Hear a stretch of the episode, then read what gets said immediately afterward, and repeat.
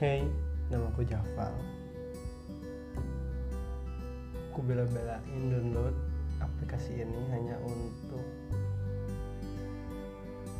si sebuah vid- ngasih sebuah podcast buat sahabatku Eki.